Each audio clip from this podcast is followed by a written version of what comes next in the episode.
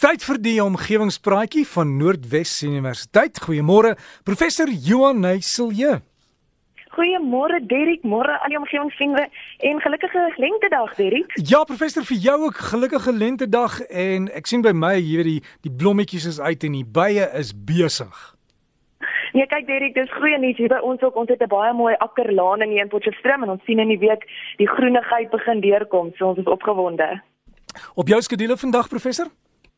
Nou ja, Derek, ek het gedink vandag is dit gepas om so 'n klein bietjie goeie omgewingsnuus te deel, né? Nee? Siende dat ons vandag lente en ons omgewing en die natuur kan vier. Nou, hierdie goeie nuus is dat navorsing bewys het dat boombedekking op die aarde toegeneem het oor die laaste 35 jaar. Nou, hierdie bevinding is gepubliseer op 8 8 Augustus van hierdie jaar in die joernaal Nature en dit is 'n top internasionale akademiese joernaal wat al vir jare verskyn. Om presies te wees, hierdie eerste uitgawe het in 1869 verskyn. Maar vandag is dit steeds een van hierdie hoog aangeskrewe joernale in omgewingswetenskappe en menige wetenskaplike smag daarna om 'n artikel in Nature te publiseer. Maar dit is nou nie vir almal beskore nie. Maar goed, hierdie topjoernaal het toe die goeie nuus gepubliseer dat boombedekking op die aarde sedert 18 of 1982 toegeneem het. Nou hierdie navorsing is gedoen deur 'n groep wetenskaplikes in die FSA wat data gebruik het van die NASA Measures program. En dit sluit dan nou 35 jaar se satellietdata in wat hulle baie noukeurig bestudeer het om te bepaal hoe grondgebruike verander het sedert 1982.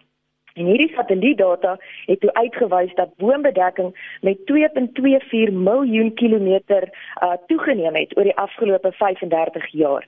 So dit beteken die aarde se boombedekking is vandag 7% hoër as in 1982. En die verdere ding wat hulle gesien het is dat hierdie toename in boombedekking oor 'n verspreide area is en veral ook binne dorps- en stadsgebiede.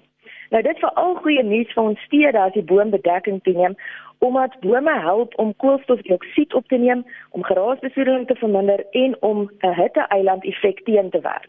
So om 'n voorbeeld te gee, dit word beraam dat elke groot boom in 'n stad dieselfde uitwerking het as 10 standaard ligversorgers wat vir 22 uur per dag aangeskakel is. En gevalle studies wys hoe bome die lugtemperatuur in stede met tot 10 grade Celsius verlaag en die grondtemperatuur met tot 45 grade Celsius verlaag. So dit is regtig gunstig wanneer boombedekking in ons dorpe en in ons stede toeneem. Maar terug by die studie uit die FSA het die navorsers toe nog 'n stap verder gegaan en hierdie boombedekking in drie kategorieë verdeel, naamlik hoë plante groei, so dis bome van 5 meter en hoër, lae plante groei, so dis bestaande uit bome onder die 5 meter, maar wat ook struike en grasse en landbougewasse insluit en dan oop areas. So dis in stedelike gebiede en dan ook areas van sand of van rots. En deur die toepassing van hierdie klassifikasie kon hulle dan nou vergelyk hoe die bedekking van natuurlike plante groei, soos ons woude, en die bedekking van aangeplante bome oor die jare verander het. En dit het toe aan die lig gekom dat alhoewel boombedekking toegeneem het, dit hoofsaaklik was omdat aangeplante bome se bedekking toegeneem het. Nou soos my kollega professor sou hier verduidelik, dit kan wees as gevolg van nuwe aanplantings, maar ook omdat bestaande bome oor hierdie 35 jaar studietydperk baie gegroei het. So die minder goeie nuus van hierdie navorsing is dat dit bevestig het dat natuurlike plante groei, veral ons tropiese woude, se bedekking afgeneem het. So aan die een kant is ons bly want boombedekking neem toe, maar aan die ander kant neem ontbossing ook toe want in baie gevalle word natuurlike woude nou vervang met plantasies. Nou hierdie gedeelte van die van die navorsing is nie vir ons heeltemal nuwe nuus nie. Daar's al baie studies gedoen wat wys hoe die tempo van wêreldwye ontbossing aan die toeneem is. En daar selfs wetenskaplikes wat van mening is dat indien daar nie drastiese maatreëls getref word nie, ons teen 2030 net 10% van hierdie natuurlike woude oor sal hê.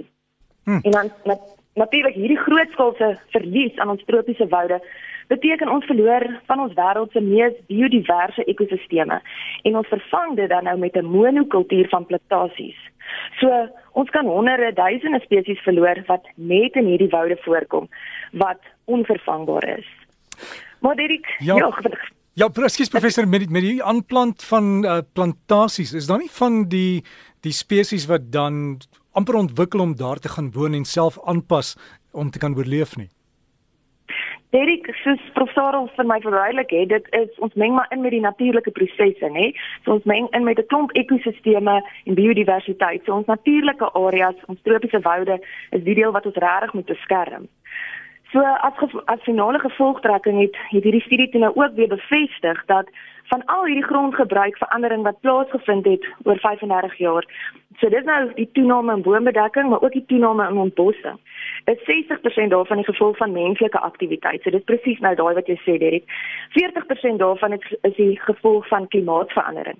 Maar dit is weer eens net vir ons 'n bewys van hoe groot rol die mens en menslike aktiwiteit eintlik in ons omgewing speel. Maar as 'n groen gedagte, Derek, 'n positiewe gedagte op lentedag, ons kan twee dinge doen. Eerstens, ons kan sosiale druk uitoefen om hierdie ontbossing te verminder.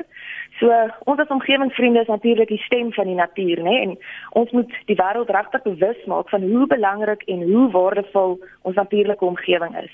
Maar aan die ander kant, en tweedens, kan ons bydra tot hierdie groei in boombedekking. Ons sien 'n positiewe verandering en ons kan self ook bome en verkieslik inheemse bome aanplant en beskerm en sodoende ons omgewing klein bietjie meer help.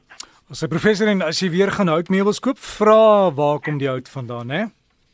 Verseker Derek, ons moet goeie omgewingsvriende wees in alle opsigte.